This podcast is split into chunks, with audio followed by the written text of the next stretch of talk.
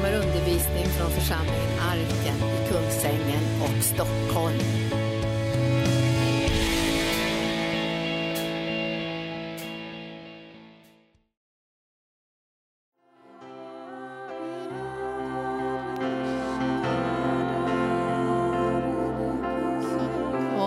Överlåter oss till dig nu Herre och vi ber att du ska tala in i varje hjärta. Att du ska bryta brödet in i vars och ens hjärta. I Jesu namn. Amen. Tack härliga lovsångare. Tack pastor Gunnar för det härliga kollekttalet. Idag har vi några ungdomar med oss från en skola. Ska ni vinka åt mig så här? Där har vi några ungdomar som kommer från en skola och ska vara med på det här mötet. Och jag sa till dem när jag gick in att de var på ett riktigt, riktigt viktigt möte. För jag kommer att tala om de yttersta tiderna. Och är du här nu eller ser mig via TV eller internet och du har ännu inte tagit emot Jesus, så är det väldigt lätt. Man tror ibland att det är svårt att ta emot frälsningen. Det är lätt. Sen ska vi leva livet med Gud också. Men att ta emot frälsningen är jättelätt. Det är bara att säga Jesus, jag öppnar mitt hjärta för dig och jag tar emot dig som min personliga frälsare. Och sen gör den heliga ande resten. Är inte det skönt? Det är väldigt bra. Och så får man en gåva för tiden och för evigheten. Vi hörde pastor Gunnar säga vikten av Guds ordet.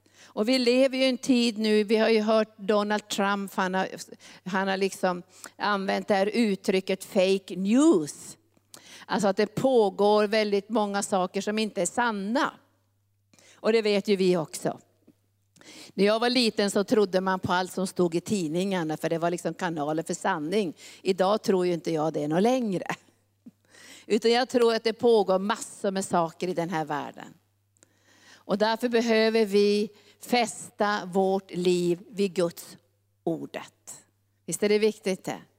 Därför att det är Guds ord som är sanningen. Jesus säger, jag är vägen och sanningen och livet. Och utan Guds ordet och den heliga ande har vi ingen kompass och ingen karta för livet. För vår själ måste få ett fäste i Guds ordet. Därför allt kommer att skaka. Det står i Bibeln, allt kommer att skaka. Men Jesus säger att hans ord kommer att bestå i all evighet. Och därför behöver vi bli sådana här riktiga nytända bibelläsare. Så vi hämtar vår kunskap från ordet. Det är inte dumt att känna till vad som finns i världen och när vi läser om miljöförstöringar och katastrofer och folkvandringar och sjukdomar och allt det här som vi kan få kunskap om nu. Så, så är det inte fel att få kunskap om det. Men vad vi gör med det är viktigt. Hur vi förhåller oss till det är viktigt. Därför vi får inte vara drivna av fruktan. Alltså vårt gensvar till det som händer i världen får inte ske genom fruktan. Och det är det första jag säger idag. Det får inte ske genom fruktan. Det sker jättemånga saker och vi reagerar med fruktan eller ilska, ilska eller förtvivlan eller olika känslor som kommer. Men vi måste vara ledda av den heliga Ande och ledda av ordet. Och veta, vad säger Guds ord? Och jag, jag skulle bara börja med en liten, liten sån här mini-inledning ifrån fjärde Moseboken, jag behöver inte slå upp det, men fjärde Moseboken kapitel 13 och 14 handlar ju om Israels barn som skulle göra sin vandring från Egypten till det förlovade landet. Och ni vet ju ni som är bibelläsare att det tog 40 år. Och det kanske skulle ha tagit 40 dagar, så tog det 40 år. Därför att man förhöll sig på ett felaktigt sätt till Guds ord.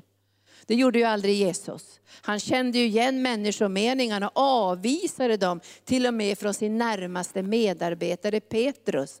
Avvisade han människomeningarna och sa, gå bort Satan, det här är människomeningar, det här är människotankar och inte Guds tankar. Och Gud hade gett ett löfte till Israels folk att de skulle få det här landet. Det var det första. Och det andra löftet var att han skulle vara med dem. Och, och Det tredje löftet var ju också, som vi får se när vi läser det här, att, att beskyddet och kraften som fanns i det här negativa motståndet var också brutet. Därför Gud var med sitt folk. Och Det här är en väldigt viktig, eh, viktigt för oss att veta, så vi ska kunna se på världen genom Guds ögon. På Guds sätt. Och han skickar ju sen ut tolv spejare för att bespeja landet, för att titta på landet innan de hade kommit in i landet. I fjärde Moseboken kapitel 13. Och då står det så här i den, i den 33 versen. Inför Israels barn talade de illa om landet som de hade bespejat. Och så sa de, landet som vi har vandrat igenom och bespejat är ett land som förtär sina inbyggare. Och allt folk som vi såg där var resliga män. Vi såg också jättarna där Anaks barn från jättestammen och vi var som gräshoppor i våra egna ögon och det var vi också i deras ögon. Det här sa tio spejare, för de hade glömt bort vad Gud sa och vad Gud hade lovat. Och visst är det så här för oss också som älskar Jesus, att ibland glömmer vi bort att se på vårt eget liv, omständigheterna och på vårt eget land och på det som sker över världen med Jesu ögon. Och ser vi inte på det med Jesu ögon, då blir vi rädda. Då blir vi rädda. Och det som hände här i 14 kapitlet var ju att hela församlingen började ropa och skrika och gråta i förtvivlan. Och de vill vända tillbaka till Egypten. Men då talar två spejare, som Bibeln beskriver, har en annan ande. Alltså de hade en annan ande, de hade trons ande och såg på landet genom Guds ögon. Och nu ska vi höra vad de säger. I nionde versen, eller jag kan läsa den sjätte versen. Om Herren har behag till oss ska han föra oss in i det här landet och ge det oss, oss ett land som flödar av mjölk och honung. Men var inte upproriska mot Herren och var inte rädda för folket i landet, för de ska bli som en munsbit för oss. Deras beskydd har vikit ifrån dem, men Herren är med oss. Var inte rädda för dem. Och det som Gud säger här, vi måste få undan fruktan. För vi kan inte göra det som Gud önskar om vi är fyllda av fruktan. Och därför säger Bibeln att Guds kärlek driver undan all fruktan. Ni vet ju också Johannes 4 när lärjungarna kommer tillbaka till Jesus och säger, vem har gett dig att äta? Och då säger Jesus här, ni säger att det är fyra månader kvar till skörden. Men jag säger att skörden redan har mognat. Lyft blicken. Och vi måste lyfta blicken för att kunna se med Jesu ögon. För det som kommer att hända ut över världen finns redan beskrivet för länge sedan i Jesaja 60. Att mörker övertäcker världen och folken. Men över er ska ljus gå upp och folken ska vandra i det ljus som går upp över Guds församling. Och därför måste du och jag mer och mer börja se, vad säger Guds ord? För att inte fruktan ska krama sönder våra hjärtan. Får jag ett amen på det? Ni vet ju Esekiel, han stod, stod och tittade ner i dalen och såg bara döda ben. Allt var dött. Och så frågar Herren honom, tror du att det, kan, det här kan få liv? Och då säger Hesekiel, det kan jag verkligen inte svara på. Men då säger Gud till honom, nu ska du bli min kanal. Och du ska se genom mina ögon, för de här benen kan få liv. Och så börjar han bedja ut och kalla på liv, på den heliga ande som kom från öster till väster och kom över de döda benen. Och allt fick liv. För ingenting är omöjligt för Gud. Nej. Och därför måste vi avvisa all fruktan. För när vi ser ut över världen idag så förstår jag att människors hjärtan blir sönderkramade av fruktan. Men du och jag måste veta, vad säger Guds ord? Och du som inte är hemma i, i Uppenbarelseboken ska jag inte läsa så mycket ifrån den, utan idag ska jag läsa mest ifrån kapitel 24 i Matteus evangelium. Men jag tänkte jag skulle börja bara visa dig att Uppenbarelseboken är en fantastisk bok. Alltså man blir så glad, för man kan läsa sista kapitlet. Du vet min syrra retade jag jättemycket när jag var liten. Hon ville ha sådana spännande böcker som hon skulle läsa. Och då visste jag att jag skulle kunna reta henne ordentligt, stora syrran alltså. Då läste jag hur det gick. Och så sa jag, jag ska berätta för dig hur det går. Och hon blev så arg. Du får inte berätta hur det går. För jag skulle säga, nu vet jag slutet på den här berättelsen, så här kommer det att gå. De får varandra eller något annat. Och hon blev så arg för det var ingen idé att läsa boken. Men du och jag kan läsa uppenbarelseboken och se hur det kommer att gå.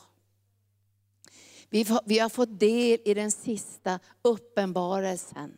Alltså vi står inte bara här och undrar hur kommer det att gå. Vi vet hur det kommer att gå. Och vi behöver lyfta blicken för att hålla blicken lyft också. För vi vet hur det kommer att gå.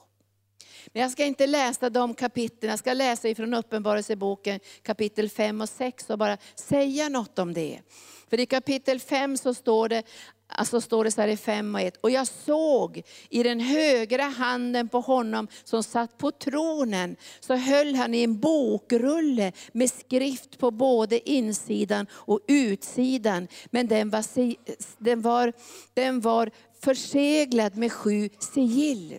Har ni sett sigill? Förr hade man sigill på viktiga brev. Alltså kungen och, och ledarens brev hade ett sigill. Och det var sådana brev som hade auktoritet.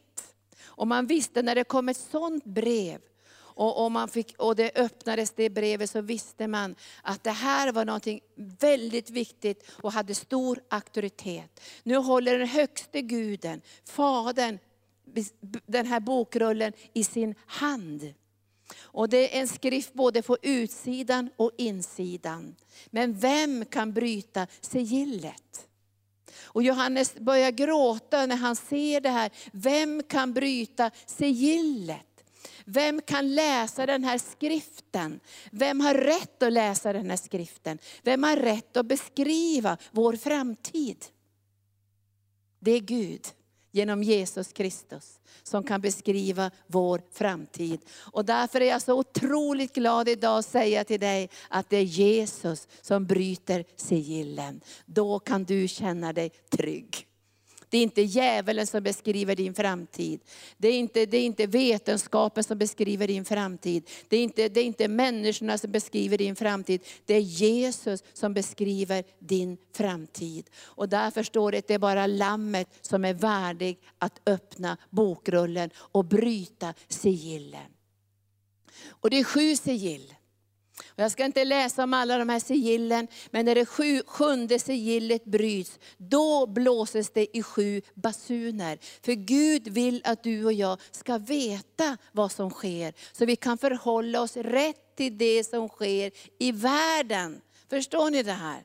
Vi måste förhålla oss rätt till det här. Vi kan inte springa som yra höns med samma information som världen har, eller något parti har, eller något sånt där. Vi måste veta, vad säger Guds ord?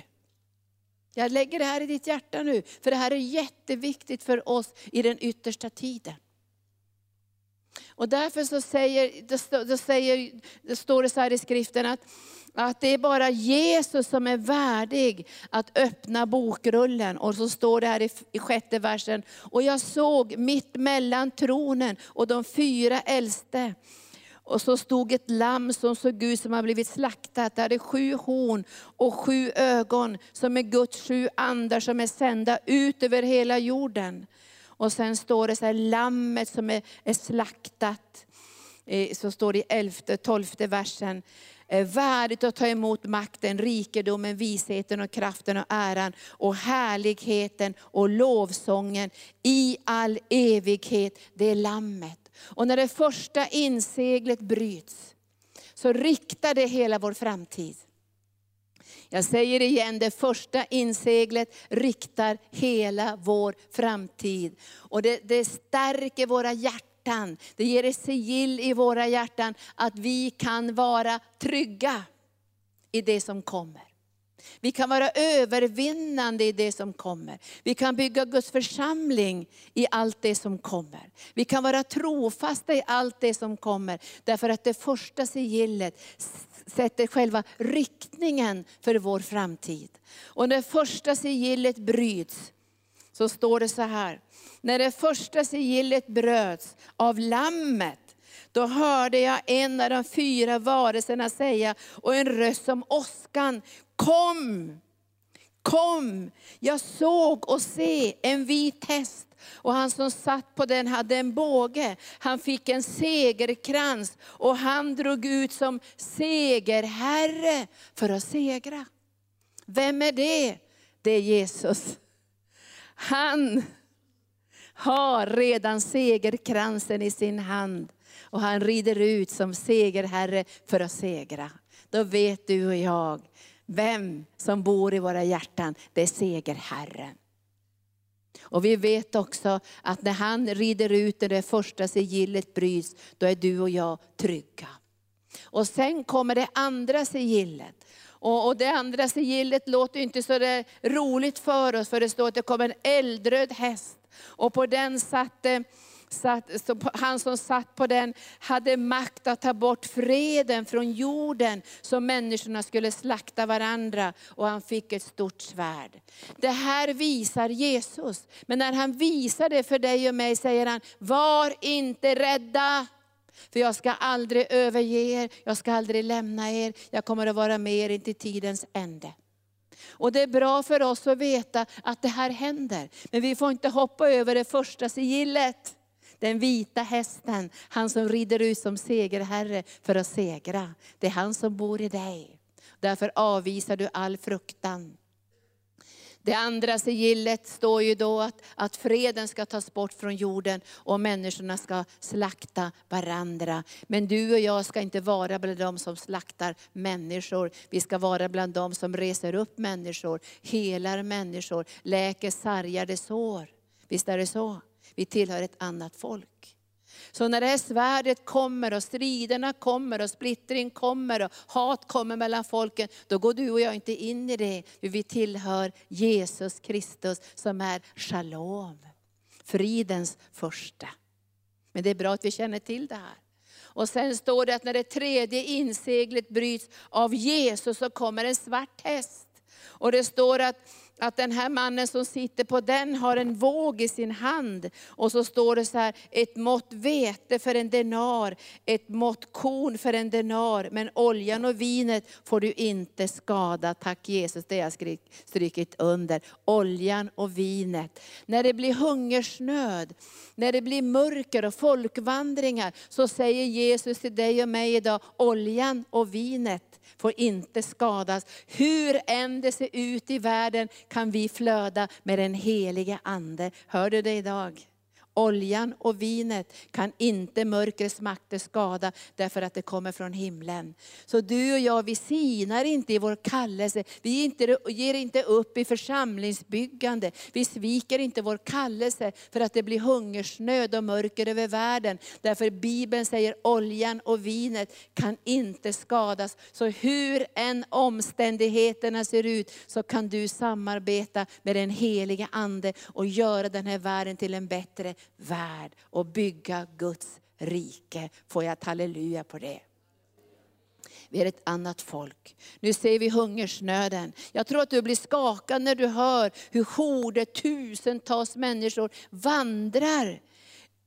Jag tittade på kartan igår hur, hur, hur, långt de vandrar genom Mexiko ända till den amerikanska gränsen. Därför att det är hungersnöd, det är klimatförändringar, det finns ingen mat, det finns ingen, det finns ingen sjukvård, det är kriminalitet. Folkvandringarna, hungersnöden. Det här säger Jesus, men mitt i den här hungersnöden så kommer du och jag inte att, att falla in i en mängd fruktan. Därför vi tror på det som pastor Gunnar sa den här förmiddagen, att Gud är miraklernas Gud.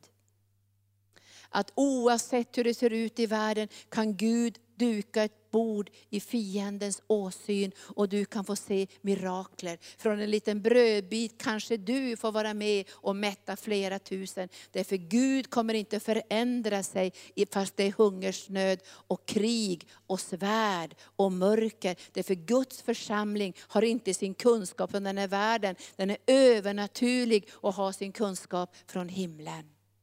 Därför säger vi nej till fruktan. Och därför böjer vi oss inte under mörkret. Och vi gör sådana kvalitativa beslut i våra hjärtan varje dag. För annars kommer vi att vara med i klaga och knotkören, i fruktanskören. Utan du och jag ska leva av den helige Ande och etablera ett rike i den här världen genom Guds ingripande, genom evangelium som inte kan skaka. Därför får vi inte svika Herren, utan vi måste vara med i den här yttersta tidens plan som Gud har. Nu kommer jag till det fjärde sigillet och då står det där att det är sjukdomar, en gulblek häst.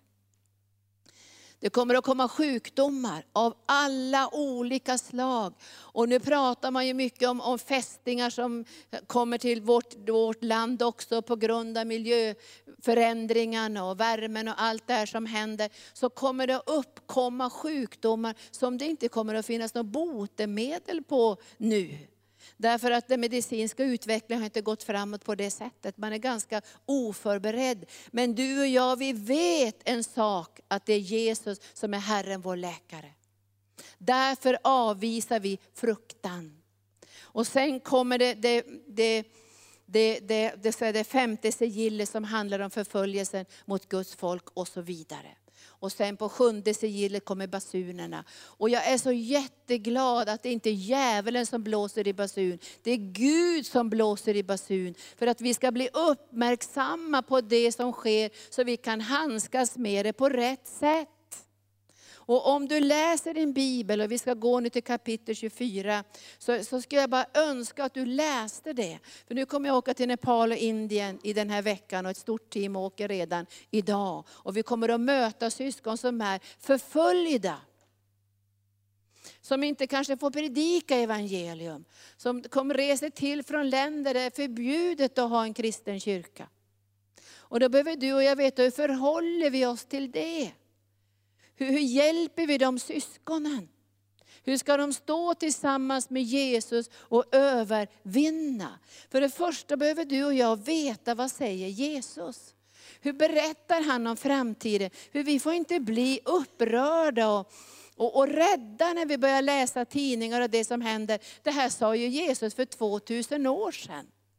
Det här det är ingen hemlighet, det här sa han för 2000 år sedan till sina lärjungar. Och vi får läsa det idag för att vara förberedda när, när det blåses i basun. Och det är Guds änglar som blåser i basun för att du och jag ska bli observanta och inte dras iväg i varje vindkast dras iväg i varje våg som kommer, utan att vi ska vara förankrade i Guds ord och göra Guds vilja i den yttersta tiden.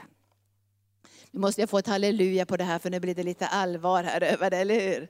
Vi känner det. Men vi ska läsa här vad Jesus, vad Jesus säger. De frågar honom så här i versen 3, 24 och 3.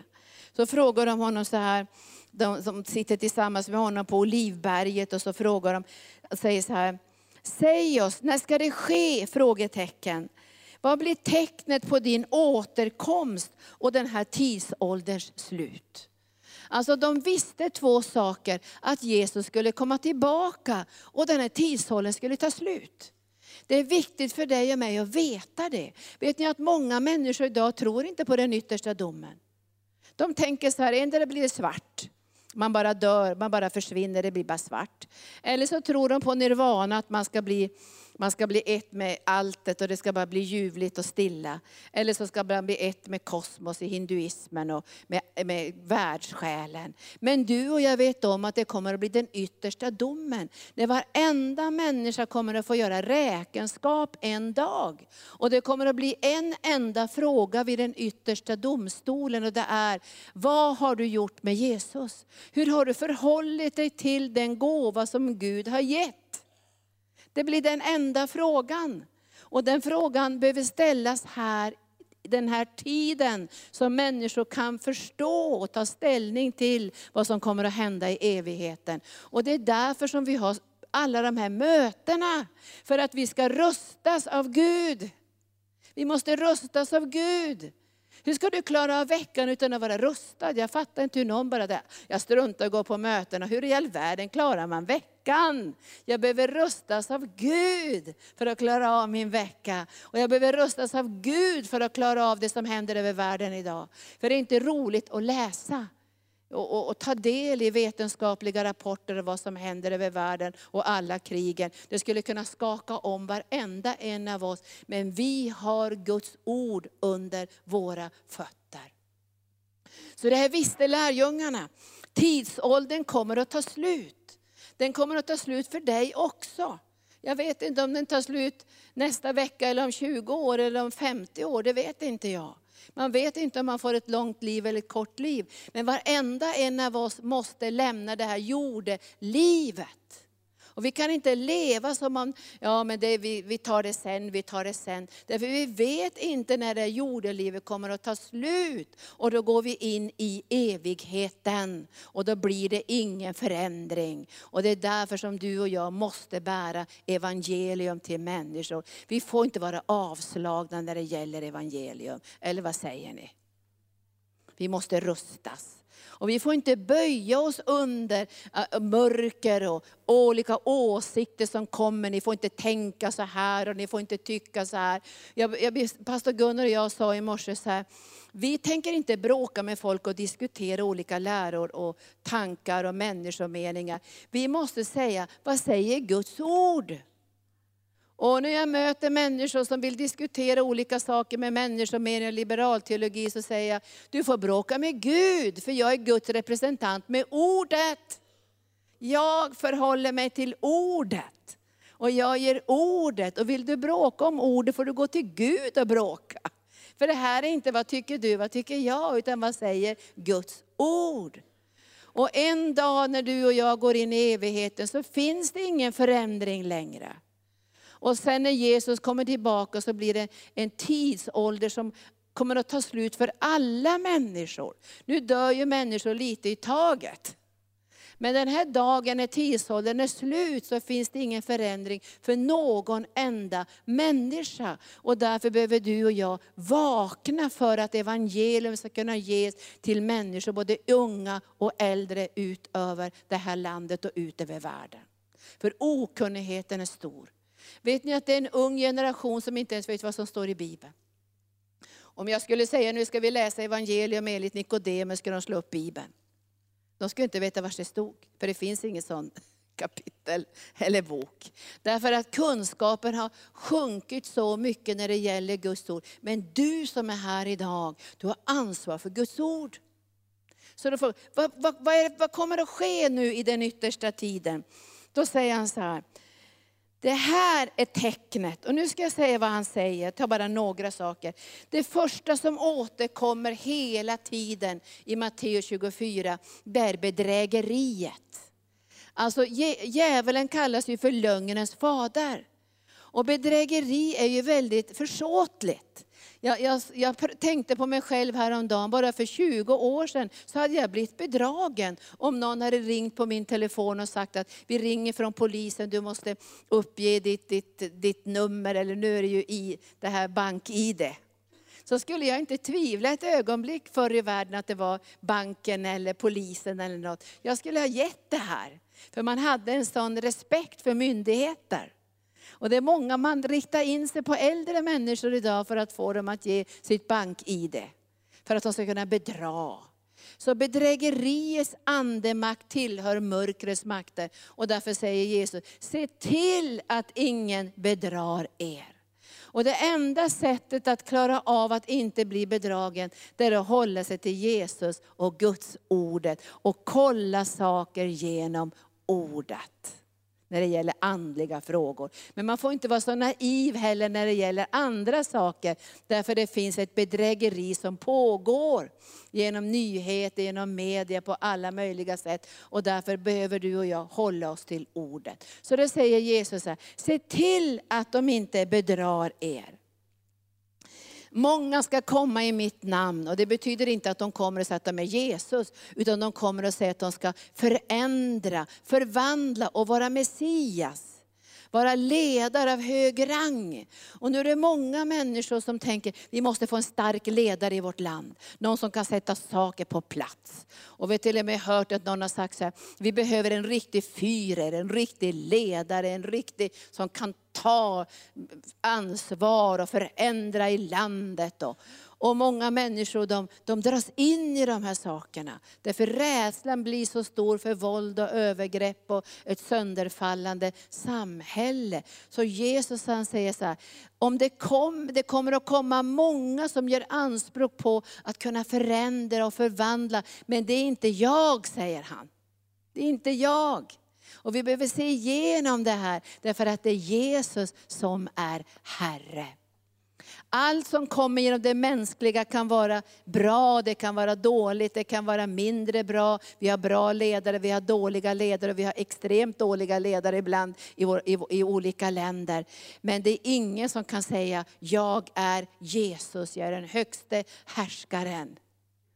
Och som sätter sig ovanför Guds tron. Ni vet om vad han heter, det är djävulen. Och Bibeln talar om de här vilddjuren som kommer att träda fram i den yttersta tiden och, och sätta sig på, på en plats som de inte har fått av Gud och säga, vi kommer att lösa världens problem. Men det är bara shalom som kan lösa världens problem. Det är bara Jesus. Och nu lever vi i en tid av skakningar. Vi lever i en tid av skakningar. Det är många som försöker lyfta stenen Jerusalem och försöka få frid och fred och frid och fred. Men vi vet också att det är bara fridsfursten som kan, vara, som kan ta det här slutgiltiga, som kan få saker på plats. Och då säger Jesus här, många kommer att säga att jag är Messias, alltså den smorde, Messias betyder smord, utvald. Och kommer att bedra många. Och så säger han det här som jag redan har läst i Uppenbarelseboken. Ni kommer att höra stridslarm och rykten om krig. Det hör vi överallt nu. Men vad säger Jesus då? Se då till att ni inte blir skrämda. Så vi behöver uppmuntra varandra, bli inte rädd när du hör de här sakerna. Du får inte låta rädsla fylla ditt hjärta, för då kan inte vi vara ledda av den heliga Ande.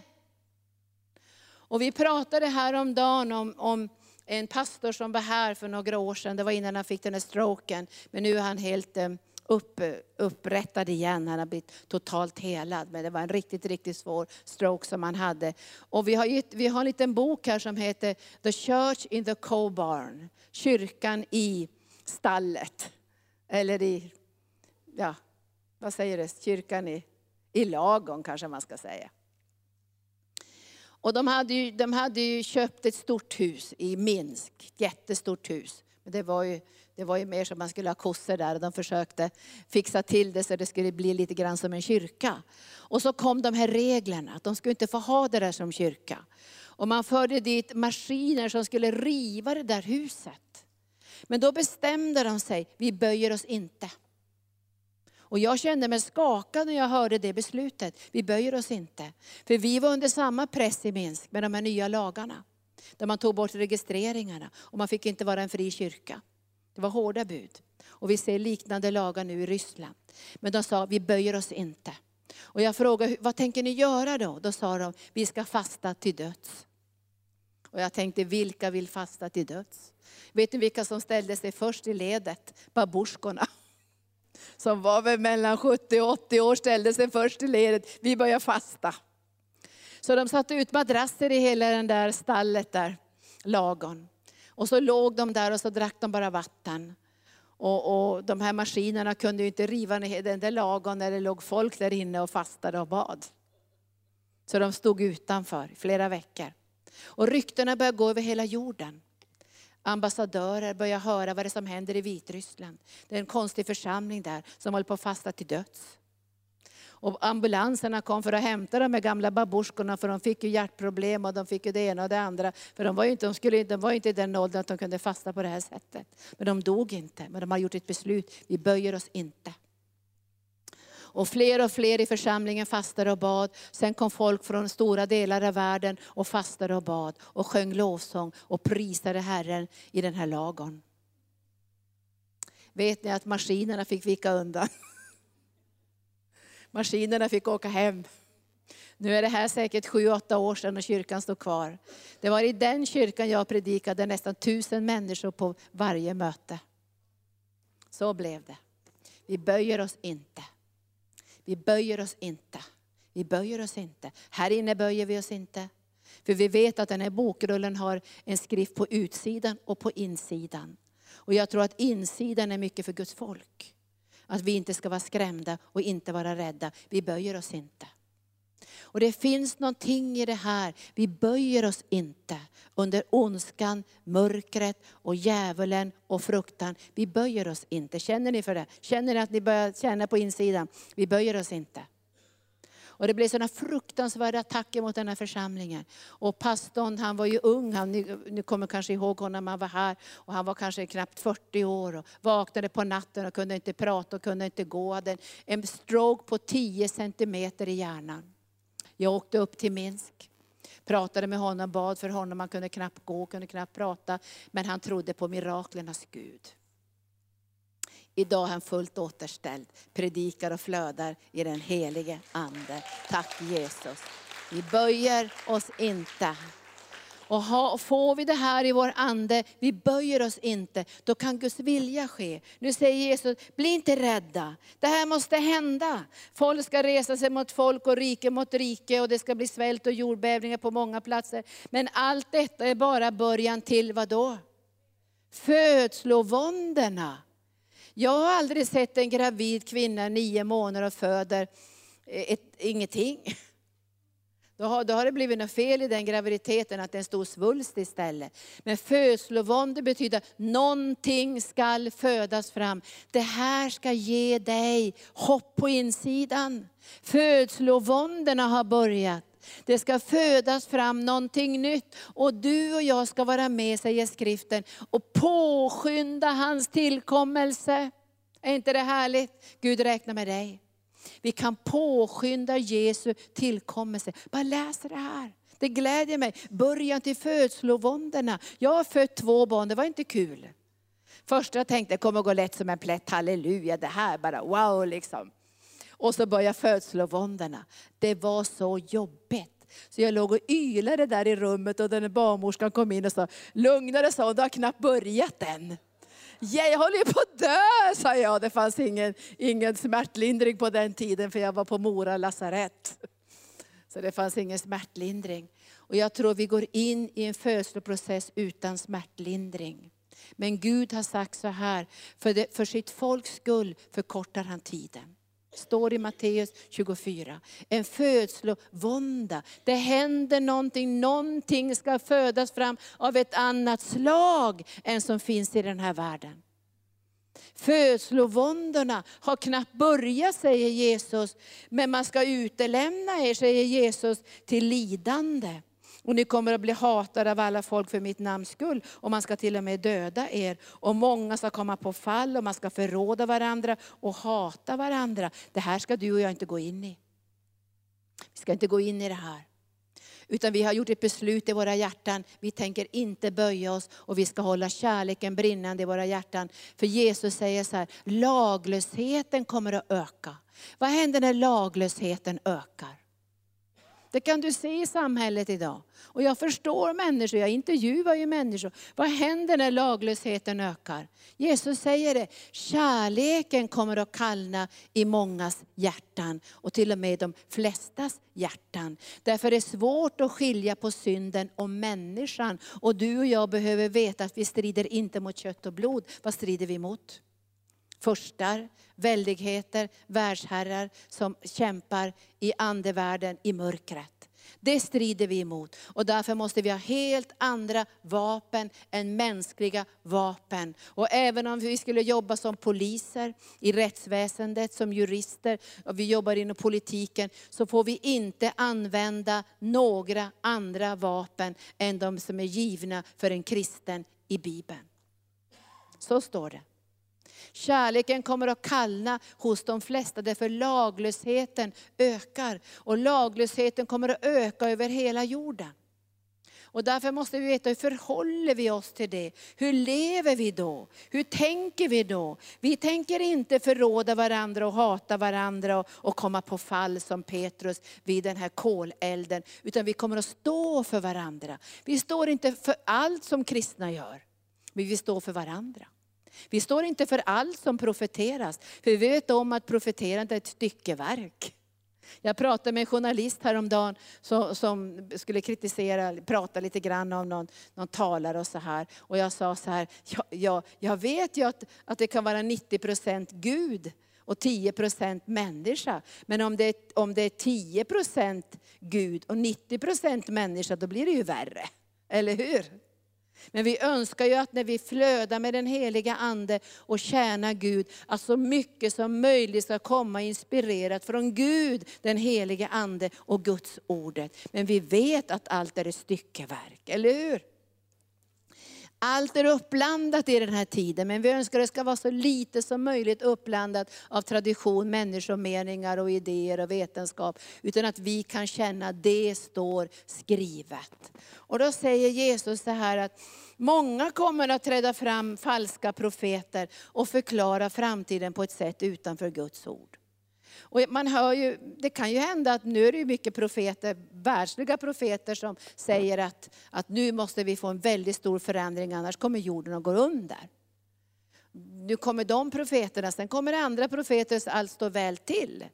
Det kommer att lösa sig, det är ingen fara och vi, vi behöver inte bry oss om det här. Och, men vi måste veta, vad säger Guds ord?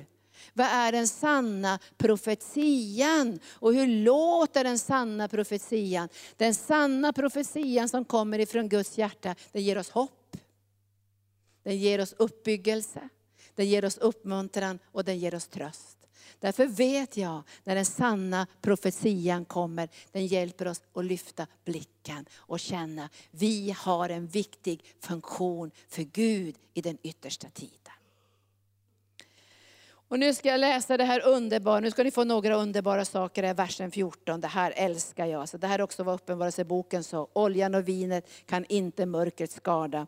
Och detta evangelium om riket ska förkunnas i hela världen till ett vittnesbörd för alla folk.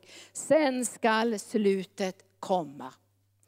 Alltså evangelium ska ut i alla omständigheter, i alla tider, i alla prövningar, i alla svårigheter. Evangelium ska nå ut till alla folk ut över hela jorden.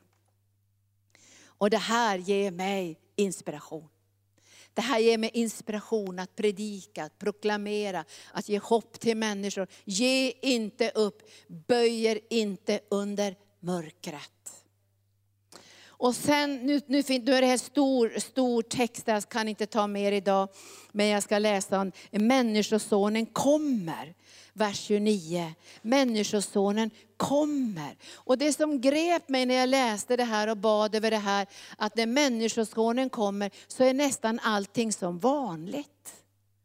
Alltså det, det, är som en vanlig dag när Människosonen kommer. Det kommer att vara krig såklart, det kommer att vara hungersnöd, det kommer att vara svårigheter. Men det som människor liksom lever av eller längtar efter att leva, för det står så här i vers 38, att under Noas dagar innan den här floden kom, så drack de och åt och gifte sig och blev bortgifta. Och de visste inte att floden skulle komma förrän det skedde. Och så ska det bli när Människosonen kommer. Alltså det ska komma på något sätt som man tänker, var det nu? Men jag har inte hunnit förbereda mig, inte väntar jag nu att han skulle komma. Det var väl sen. Utan Människosonen kommer när, när människor bara kommer att bli helt förvånade över att han kommer. Men jag måste säga, vi får inte vara förvånade över att Människosonen ska komma. Vi måste vänta på Människosonen. Och därför säger Jesus så här, och nu ska jag läsa det till sist i vers 42. Var därför vakna. Var vakna. Och vi behöver intensifiera bönen för att hålla oss vakna i det viktiga uppdrag som vi har fått. Därför är det bara evangelium som till sist är hållbart. Det är bara evangelium som är hållbart. Det är bara evangelium som kan förvandla människors liv. Och det är bara evangelium om människor är trogna Gud på sina arbetsplatser som kan förändra människors liv. Jag gick på, Dan, jag gick på Södersjukhuset och tittade efter det här eh, meditationsrummet som det heter nu. Meditationsrummet heter det. Och jag tänkte så här, det måste ju finnas massor med kristna vårdpersonal på det här sjukhuset. Här skulle det kunna pågå bön så det ekar i korridorerna. Åtminstone en gång i veckan, eller vad säger ni? Det skulle kunna pågå bön så att folk börjar fråga efter Jesus som är sjuka. Kanske gå förbi det där meditationsrummet och börja fråga, vad är det som pågår där inne? Jo men det är läkare och sjuksköterskor som ber till Jesus. Men då vill vi vara med i det här. Tänk om du på din arbetsplats där du arbetar börjar fråga dig själv, finns det några kristna här? Och bygga ett bönealtare och lägga dina arbetskamrater på det bönealtaret. Jag pratade med en tjej nu som jobbade på sån här riktigt långvård där människor inte kom ihåg vad de hade sagt fem minuter senare. Alltså de var så dementa. Men då sa vi till henne så här att anden är inte dement. Även om själen är dement och kroppen är skröplig så kan människor bli frälsta och ta emot Jesus. Och därför tror jag att Gud kommer ge öppningar på din arbetsplats att ge människor evangelium. Om du bestämmer idag, jag böjer mig inte under de krafterna och de makterna som står emot Guds evangelium, som är enda räddningen för människor i tiden och i evigheten. Och nu säger jag att du låter inget mörker trycka ner det. Det är det jag pratar om. Krafter och makter som vill hindra Guds evangelium och bryta fram. Och vi behöver vaka och bedja för att få bönealtaren, inte bara i församlingen, utan överallt dit Gud har sänt oss som sina kanaler. Det är därför vi har de här mötena, för att du ska klara ditt arbete och fortsätta vara ljus där ute för Jesus. Och nu talar inte jag om att vara ovislig och knäpp på, greja med saker. Jag talar om att Herren kommer att använda dig för människors frälsning. När jag träffade svenska ambassadören i, i, ett, i, en stad i Kanada, så fick jag 40 minuter med henne där. Och, och, jag hade bestämt mig för att jag skulle berätta om Jesus och inte om Sveriges kontakt med Kanada, utan jag skulle berätta om Jesus. Och jag fick berätta för henne om Jesus, hur man blev frälst, hur man kom till Gud och, och, och, vad jag gjorde i Kanada och att jag hade under dagen också träffat andra ambassadörer och diplomater tidigare under dagen. Det fick jag berätta för henne. Men när vi satt och pratade där så kom vi plötsligt på att hon kände två personer som jag kände som var kristna. Som var ganska nära vän med henne också. Och då ställde jag frågan så här till den ambassadören. Har de berättat för dig om Jesus och hur du ska bli frälst? Och då sa hon så här, nej det har de aldrig gjort. Och då tänkte jag så här, det finns krafter och makter som gör oss så rädda att säga någonting om Jesus. Men Gud ska ge dig dörrar och öppningar. För vi går in i den yttersta tiden nu och vi måste veta hur vi förhåller oss till Gud i denna yttersta skakiga tid. För evangeliet måste ut till alla folk. Och nu stängs det gränser och det blir förbjudet att tala om Jesus och det blir förbjudet att evangelisera. Och det blir förbud på det, i det ena landet efter det andra och det blir en kraftfull förföljelse. Men Guds ord bär inte bojor. Och man kan vara i fängelse och vara fängelsepräst. Det finns ju sådana som har blivit frälsta i fängelse som säger, jag vill inte lämna fängelse för jag är fängelsepräst nu och jag har min församling här. Det kanske var bara en skröna men det låter ju väldigt underbart om det skulle vara sant. Vaka! För ni vet inte vilken dag er Herre kommer. Vaka! Ni vet inte vilken dag er Herre kommer. Så vi behöver vaka så vi kan gå på en andlig väg i denna mörka tid. Så vi inte dras med både i vindkast i läran och, och vindar och det ena och det andra. För nu vet vi, vi kan ju vår bibel, vi vet vad som kommer att ske. Och det är inte roligt det som kommer att ske. Det kallas för födslovåndor. Därför någonting nytt ska bryta fram och vi måste klara av att förhålla oss till det här på rätt sätt. Både individuellt och på alla olika plan i samhället, vi som är troende och älskar Jesus. Men nu talar han, det jag vill säga till sist, som jag tycker är det allra viktigaste i det här. Han talar om husägaren. Husägaren. Och han talar inte om husägaren på ett privat plan, som han säger, Kalle, du och dina barn i ditt hus. Han talar om församlingen, husägaren. Och så talar han, säger han så här, om husägaren visste, om det skulle ske på natten att tjuven kom, då hade han hållit sig vaken. Så ingen skulle bryta sig in i hans hus. Var därför beredda, också ni, för i en stund som ni inte väntar så kommer Människosonen. Och därför önskar jag att arken alltid ska vara redo. Att tjäna Gud, älska Gud, följa Gud och föra ut evangelium. För vi vet inte dagen när församlingen ska ryckas upp. Men den ska ryckas upp med stor glädje och entusiasm och tacksamhet. Och sen säger Jesus här, att vem är, vem är den trogne och kloke tjänaren vars Herre har satt honom över andra tjänare för att ge dem mat i rätt tid. Det här handlar om Guds församling. Att i den nöd som kommer över världen, så är det det allra viktigaste för Jesus, det är att församlingen är intakt. För om församlingen inte är intakt utan blir en rövarkula, eller att vi sviker församlingen, att vi drar oss undan, så kan inte människor räddas. Därför församlingen måste vara en plats där människor får sin rustning och sin mat i rätt tid för att klara av sina liv på det privata planet, på arbetsplanet, på gemenskapsplanet eller vilket plan det än gäller. Så måste vi få utrustning ifrån Gud.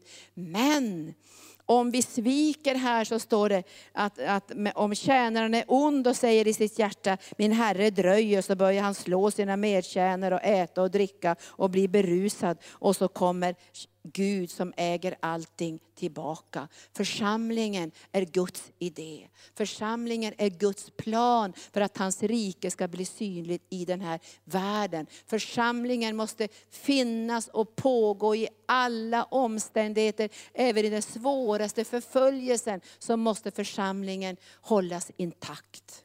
Och vi vet ju i många länder måste församlingen också gå under jorden. Det är inte alla församlingar som bara fastar sig till döds.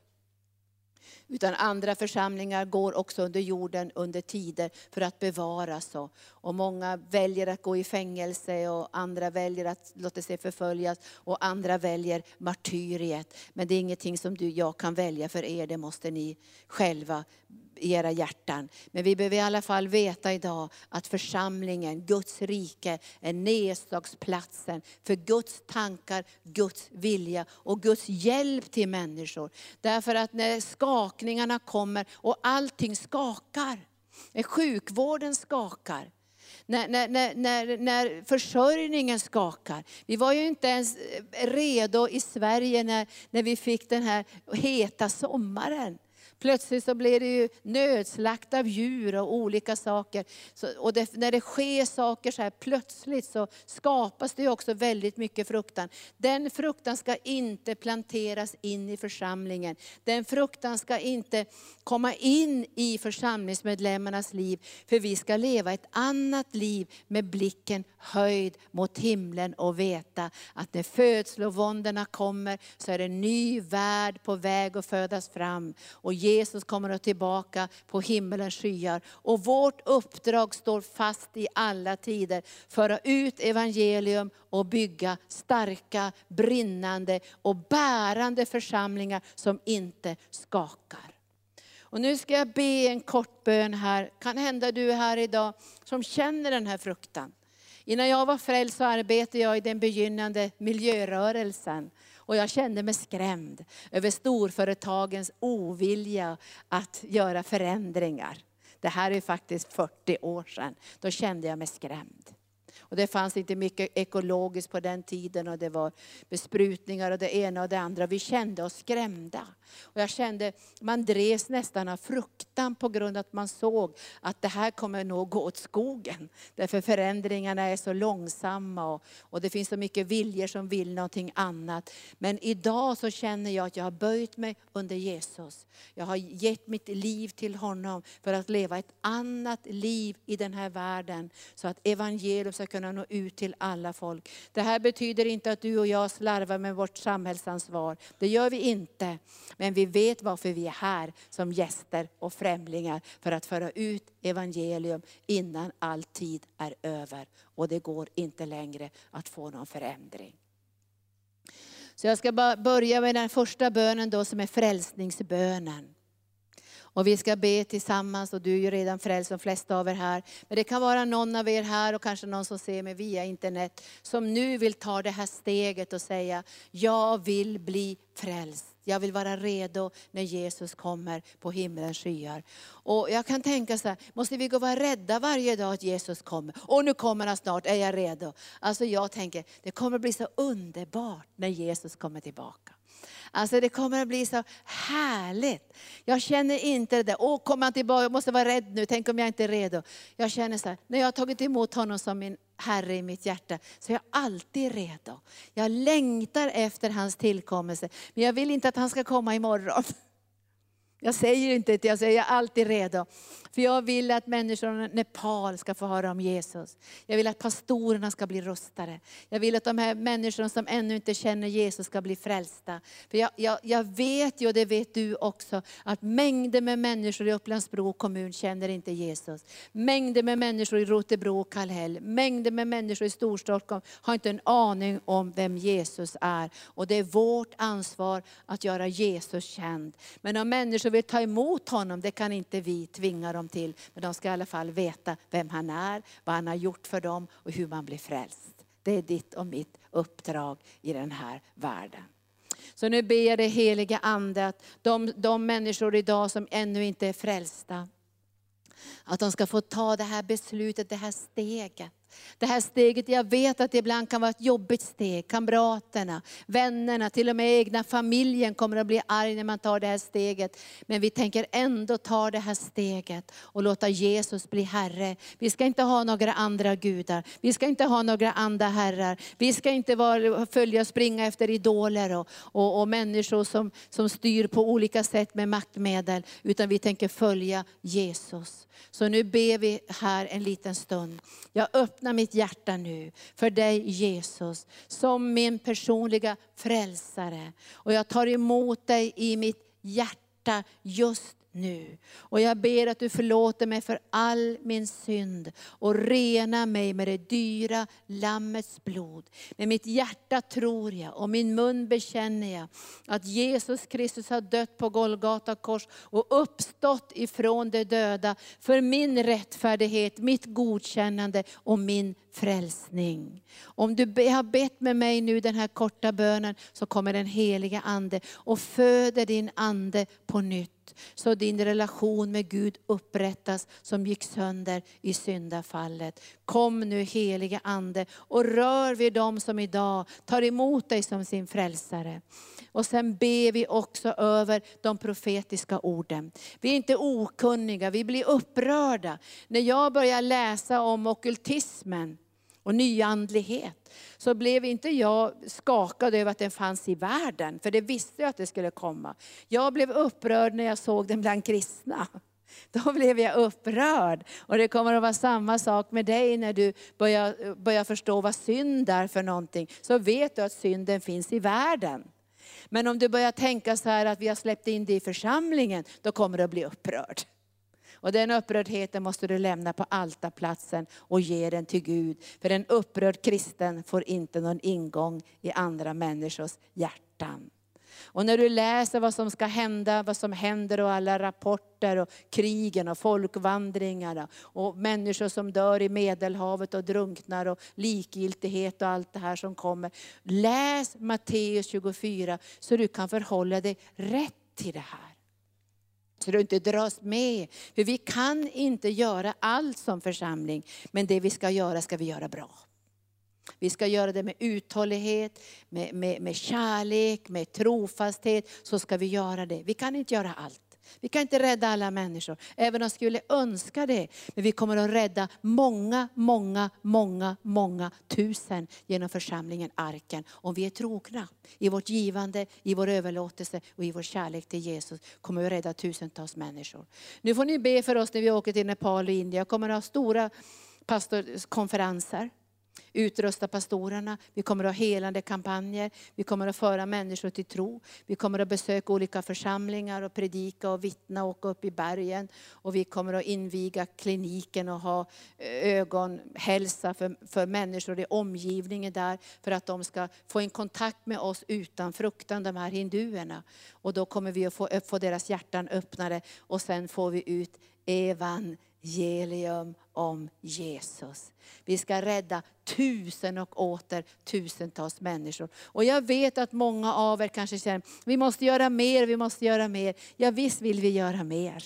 Vi vill göra mycket, mycket, mycket mer. Men vi måste ha resurserna, vi måste ha människorna, vi måste ha överlåtelsen. För det värsta man kan göra som församling är att man sätter igång någonting och sen hoppar man av. Utan om vi gör någonting så gör vi det ordentligt, vi, vi, vi driver igenom det. Och därför har vi varit trofasta i arken. Vi har tjänat med samma partner i Indien i över 25 år, snart 30 år. Därför vi har känt att man måste ha kontinuitet, man måste ha uthållighet, man får inte vara som en hoppjerka i det man gör. Därför att människors liv är beroende på om vi är trofasta i våra hjärtan. Men jag vill säga det idag, vi vill göra mycket, mycket, mycket, mycket mer för fler grupper av människor, kunna röra oss ut i andra länder. Men då måste ni genom bönen utvidga området ekonomiskt och personellt för att vi ska kunna ge vårt gensvar till Gud. För det här är inte bara något vi gör, bara så här, vi hoppar på någonting, utan vi gör det på allvar, där vi gör en överlåtelse i vårt hjärta. Men det allra viktigaste, har jag redan sagt i den här predikan, det är att vi tar inte emot fruktan, vi lyfter blicken, vi för ut evangelium och vi bygger starka, brinnande och radikala församlingar. Jag gillar det sista, radikala församlingar. Så nu ska vi be att fruktan ska få Jag vet inte om du har fruktan om du läser ens tidningar och vetenskapliga rapporter. Men jag ska säga det, när du läser det idag så förstår jag att människor blir utbrända, förtvivlade, får ångest och en del bara struntar i allting och bryter alla gränser. För de tror inte att det finns en evig dom och det finns en evig dom. Alla människor kommer stå inför Guds domstol en dag. Och det behöver människor veta utan fruktan. Men man behöver säga det. Det här är viktigt. Ditt liv kommer att ta slut. Du kommer att ligga på bårhuset. Och då kommer vi inte kunna väcka upp dig från de döda på det sättet. Du kommer att gå in i evigheten. Du har lämnat din kropp. Men vi ska be att Herren ska ta bort fruktan. Så vi kan tjäna Gud på det sätt som vi ska tjäna Gud i denna yttersta tid. Så jag ber för mig själv och jag ber för dig. När vi möter de här saker i de här olika länderna så kan man känna det här, det här kan skapa fruktan om inte jag lyfter blicken och vet att det är Jesus som är Herre. Han har inte lämnat oss, han kommer aldrig överge oss, han kommer att vara med oss alla dagar. Så kom nu helige Ande och så rensar du undan ifrån våra hjärtan all fruktan. För vi vet att mörker övertäcker jorden och folken. Men vi vet också att du ska låta ett starkt ljus brinna i din församling och i dina församlingar ut över jorden. Och därför ber jag idag för församlingen Arken. Men jag lyfter också andra församlingar här i Sverige och Norden inför ditt ansikte. Att de inte ska släppa in okultismen, att de inte ska släppa in synden. Att de inte ska släppa in avguderi utan hålla sig rena, heliga och avskilda. För när du kommer så kommer du till ett troget folk som har ett hus i ordning för sin Herre som kommer tillbaka. Och vi önskar att du ska känna när du kommer tillbaka att den här församlingen är redo. Den här församlingen har gjort det som du kallade den till. Den här församlingen har berett en plats för dig Jesus när du kommer på himmelens skyar. Och vi är inte rädda för din tillkommelse. Vi är inte rädda för det. Vi älskar älskar din tillkommelse. Vi ser fram emot din tillkommelse. Men vi önskar att ännu fler ska bli frälsta och få kunskap om sanningen. Och därför ber jag dig nu heliga Ande, att du rensar undan all fruktan och allt bedrägeri och all, alla nyheter som kommer som skakar oss på ett sätt som vi inte ska skakas av. Utan du har ju sagt att vi ska fasta, befästa. Vi ska ha blicken lyft och vi får inte låta oss skrämmas av det som sker över världen. Vi är inte lättskrämda Gud, för vi har med dig som har vunnit seger. Och vi, vi har med dig som har vunnit seger över alla mörkrets makter. Så kom nu heliga Ande och så rensar du ut all fruktan. All fruktan att dela ditt, ditt namn på arbetsplatserna. All fruktan att dela vem du är i skolvärlden. All fruktan att dela ditt namn i affärsvärlden och restaurangvärlden. Eller vilken värld vi än är i, så är vi där för evangelium. För att människor ska kunna ta det viktigaste beslutet som är viktigare än alla beslut som tas på vilken politisk nivå som helst. Eller på landsting eller vilken nivå som helst det här. Vad gör du med Jesus? Hur förhåller du dig till frälsningen? Och det eviga livets fantastiska gåva. Så kom heliga Ande, ta bort människofruktan idag. Ta bort människofruktan. All den här rädslan, för du har sagt Herre, att den som darrar bredvid en ogudaktig källa, det, det blir en skam som, som syns det vi inte kan stå för vår tro. Och jag ber nu heliga Ande att mina syskon ska stå för sin tro. Att de ska vara stolta över dig Jesus. Även om det skulle bli ett pris att följa dig, så är de stolta över att tillhöra dig och bära evangelium i sina hjärtan. Kom heliga Ande och rör vid ditt folk den här dagen. Rör vid dem som ser mig via TV. Rör vid oss Gud så vi kan prioritera rätt i den här yttersta tiden och vara trofasta i byggandet av ett rike som aldrig någonsin kommer att skaka. Vi tillhör det riket som Guds församling. Och jag ber idag också om trofasthet, överlåtelse och kärlek. Så vi kan fortsätta att gensvara. När du ger oss saker som vi ska göra, när du uppenbarar din vilja, så ber jag dig heliga Ande att varenda församlingsmedlem ska känna, jag är viktig, jag är viktig, jag behövs. Jag är byggnadsmaterialet som Gud behöver. Han har inget byggnadsmaterial som han kommer med från himlen. Jag är byggnadsmaterialet. Du är byggnadsmaterialet för ett heligt hus, ett tempel åt konungarnas konung och herrarnas herre. Kom helige Ande. Nu ber vi låsångarna komma upp. Och är det här att du, du känner idag att du har fått en fruktan. Många pratar om klimatångest. Och när jag, lä, jag har läst Uppenbarelseboken hur många gånger som helst, och jag vet ju när basunerna blåser så handlar det om naturen.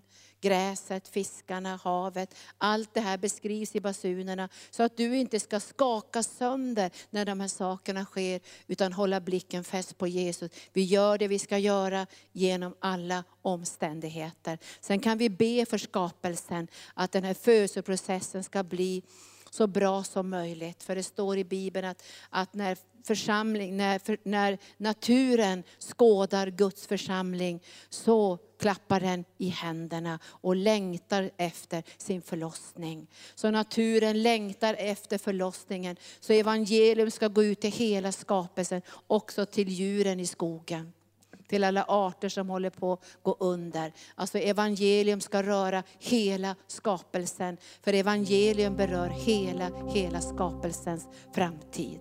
Så kom helige Ande. Och är du här idag som känner en fruktan och rädsla eller du känner att du, du, du, du blir skakad på insidan, så ska vi be att Herren ska bara ta bort den här fruktan från ditt liv. Och jag vet, jag berättade för pastor Gunnar att när jag höll på att bli skjuten i Afrika så var det som en sån där otäck känsla. Jag kan inte förklara den där känslan. Det, när, man är, när man är på väg att dö liksom, av ett skott i huvudet så är det en väldigt otäck känsla. Jag vaknade här om natten och drömde att jag var ute i ett annat land och skulle predika. Och det var precis den där känslan, att jag var under dödshot. Och jag kände, är jag redo? om jag kommer under dödshot? Är jag redo om jag hamnar i fängelse i Nepal? Är jag redo? Och jag tänkte, så jag vet inte om jag är redo. Men jag vet i alla fall att Jesus är med mig. Han kommer att ge mig den kraft jag behöver, också dig. Nu, ska vi, nu får du gå fram om du känner att Herren har talat till dig.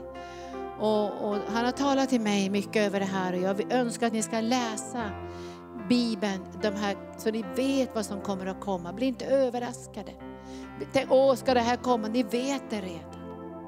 Ni vet det redan. Det sörjer mitt hjärta att, att det kommer att ske. Jag älskar naturen, jag älskar djuren, jag älskar havet och det ska inte bli som en soptipp. Korallerna ska inte dö, men det finns ett hopp. Det kommer att bli en ny jord, en ny himmel. Och vad ska råda där? Vad säger du? Rättfärdighet ska råda i den nya världen. Så vi sjunger den här sången nu för, för den här världens skull, för den här världens skull.